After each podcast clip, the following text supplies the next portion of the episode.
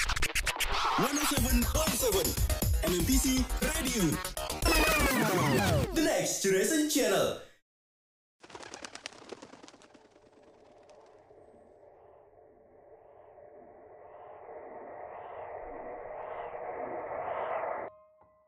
Hai, selamat datang di Enigmaris dan selamat mendengarkan berbagai macam kisah horor,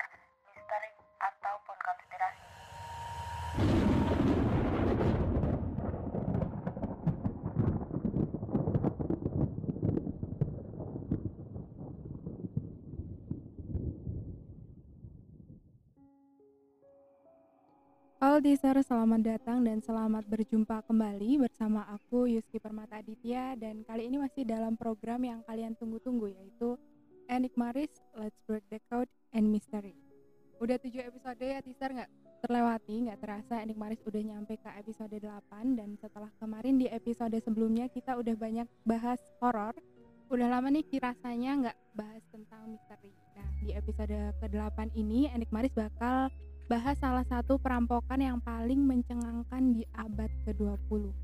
Pada bulan November 50 tahun yang lalu, D.B. Cooper membajak pesawat dan mengumpulkan uang tebusan dan dia melarikan diri dengan parasut. Namun anehnya setelah dia meminta 200 ribu USD sebagai uang tebusan, dia kemudian menghilang setelah melakukan aksi terjun payung dari pesawat. Meskipun dilakukan pencarian secara luas, dan lengkap oleh penyelidik FBI yang hingga kini masih berlangsung, D.B. Cooper tidak pernah ditemukan atau sulit diidentifikasi. Sampai saat ini kasus ini menjadi satu-satunya peristiwa pembajakan pesawat yang tidak terpecahkan dalam sejarah penerbangan di Amerika Serikat. Itu tadi singkat cerita dari D.B. Cooper, so tanpa berlama-lama lagi langsung aja kita simak ceritanya.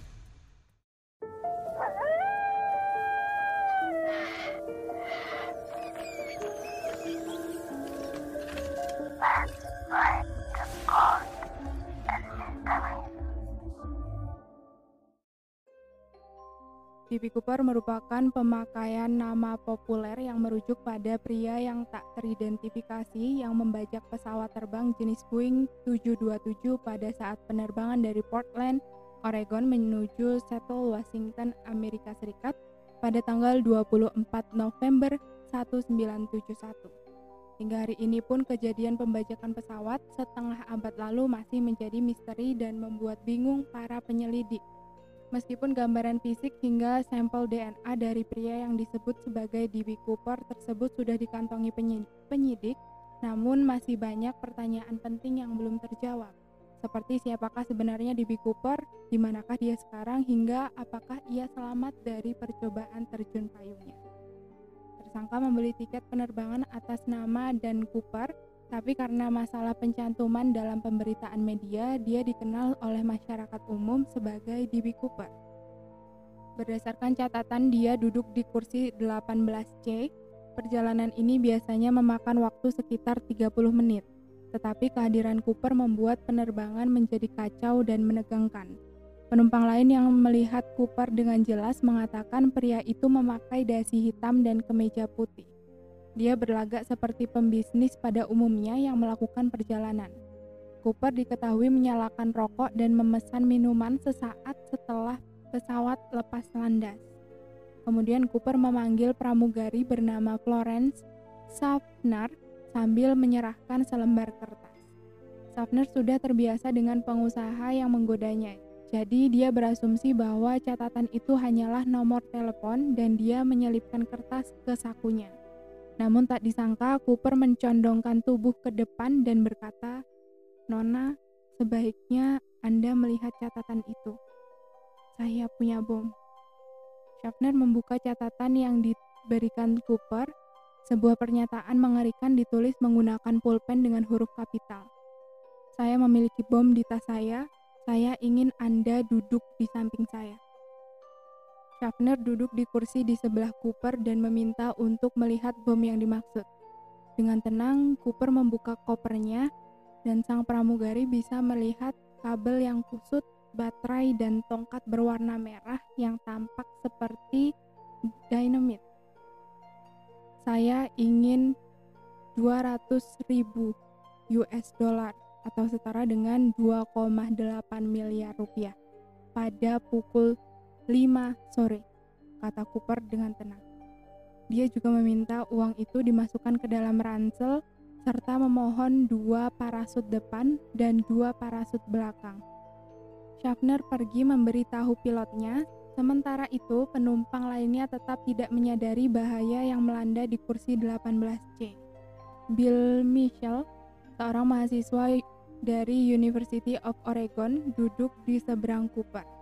Dia ingat bahwa pilot mengumumkan tentang masalah mesin, sehingga mereka harus berputar sebentar memeriksa bahan bakar. Pilot meminta penumpang untuk bergerak ke depan pesawat, tetapi Michelle tetap di kursinya. Dia sama sekali tidak menyadari situasi yang sedang terjadi. Alih-alih dia kemudian mengaku bahwa dia benar-benar merasa cemburu karena pramugari itu sangat memperhatikan Cooper. Mitchell mungkin tidak menyadari rencana jahat pria itu, tapi dia bisa menggambarkan penampilannya setelah penerbangan. Begitu FBI melakukan penyelidikan, Mitchell dan pramugari membantu membuat sketsa tersangka tidak ada penumpang lain yang melihat Cooper dengan jelas selain mereka berdua. Kemudian DB Cooper memberitahu pilot bahwa dia ingin terbang ke Mexico City dengan beberapa persyaratan seperti pesawat harus terbang di bawah 10.000 kaki dengan sayap pada 15 derajat dan menjaga kecepatan lebih lambat dari 200 knot. Anehnya lagi, pintu belakang harus tetap terbuka dan setelah lepas landas dari Seattle, DB Cooper menghilang begitu saja. Kendati demikian, FBI merasa yakin mereka bisa melacak Cooper dengan modal nama, deskripsi fisik, dan beberapa detail spesifik tentang pria itu. Tetapi FBI akhirnya ditipu ketika mengetahui dan Cooper bukanlah nama sebenarnya. Ratusan petunjuk telah diselidiki pada tahun berikutnya, tetapi tidak ada kesimpulan yang bisa didapat tentang identitas sejati Cooper atau keberadaannya termasuk sebagian besar uang tebusan tidak diketahui peredarannya. Itu tadi kisah bagaimana DB Cooper melakukan pembajakan pesawat dan menghilang begitu saja hingga hari ini. Setelah kasus tersebut, FBI terus melakukan pelacakan jejak uang tebusan serta terus mengumpulkan bukti. Seperti pada tahun 1980, seorang anak laki-laki berusia 8 tahun dalam perjalanan berkemah menemukan buntalan uang kertas compang-camping senilai 5.880 US dollar atau sekitar 82 juta rupiah. Nomor seri uang yang ditemukan diduga cocok dengan uang tebusan yang diberikan kepada DB Cooper 9 tahun sebelumnya. Dan pada akhir 2007, FBI mengumumkan bahwa mereka telah mendapatkan sebagian profil DNA Cooper dari dasi yang dia tinggalkan di pesawat yang ia bajak dan mempublikasikan beberapa bukti dan fakta signifikan yang belum pernah dirilis sebelumnya. Bukti dan fakta baru yang dirilis termasuk tiket pesawat penerbangan 305 Portland Seattle yang dibeli Cooper pada tahun 1971 seharga total 20 US dollar yang dibayar tunai dan informasi bahwa satu dari dua parasut cadangan yang didapatkan secara terburu-buru dari sebuah sekolah penerjun payung Seattle dan secara tak sengaja parasut yang diberikan ke Cooper merupakan sebuah model tiruan. Sebuah unit yang tidak dapat digunakan yang ditujukan untuk demo dalam ruang. Walaupun terdapat sebuah tanda untuk menandakan sebuah parasut model yang seharusnya dapat dikenali oleh orang yang berpengalaman, Cooper memilih parasut tersebut untuk lompat. Sepertinya tanpa menyadari bahwa parasutnya tidak berfungsi, dia justru merusak parasut lain yang berfungsi dengan kemungkinan kainnya digunakan untuk mengikat tas uang ke tubuhnya. Mereka juga mengungkapkan bahwa dari dua parasut utama yang ada, Cooper memilih parasut yang lebih tua daripada parasut olahraga profesional yang secara teknis lebih unggul. FBI juga merilis sketsa komposit dan lembaran fakta yang belum pernah dirilis sebelumnya, bersama dengan permintaan kepada masyarakat umum mengenai informasi yang mungkin berhubungan dengan identifikasi Cooper. Hingga pada akhirnya FBI mengumumkan akan berhenti menelusuri kasus tersebut pada tahun 2006 silam. Badan penyelidik itu lebih mengalokasikan sumber dayanya untuk fokus pada investigasi lainnya yang terbaru dan sama pentingnya. Meskipun kasus secara resmi dihentikan, FBI tetap membuka siapa pun yang mampu menemukan bukti fisik tertentu untuk melapor. Sementara itu, detektif amatir dan penyelidik independen masih penasaran tentang kasus ini. Dan tentu saja ada kemungkinan besar bahwa Dibi Cooper sama sekali tidak selamat dari lompatannya dan membawa semua rahasia ke kuburannya.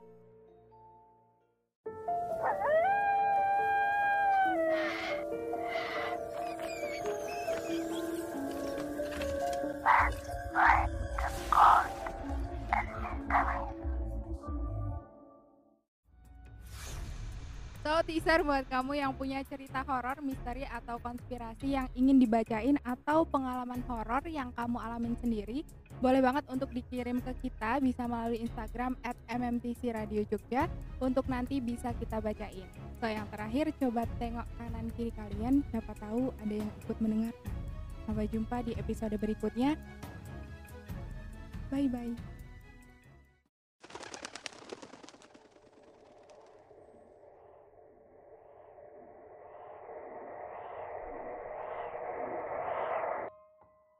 hai Selamat datang di Enigmaris dan selamat mendengarkan berbagai macam kisah horor.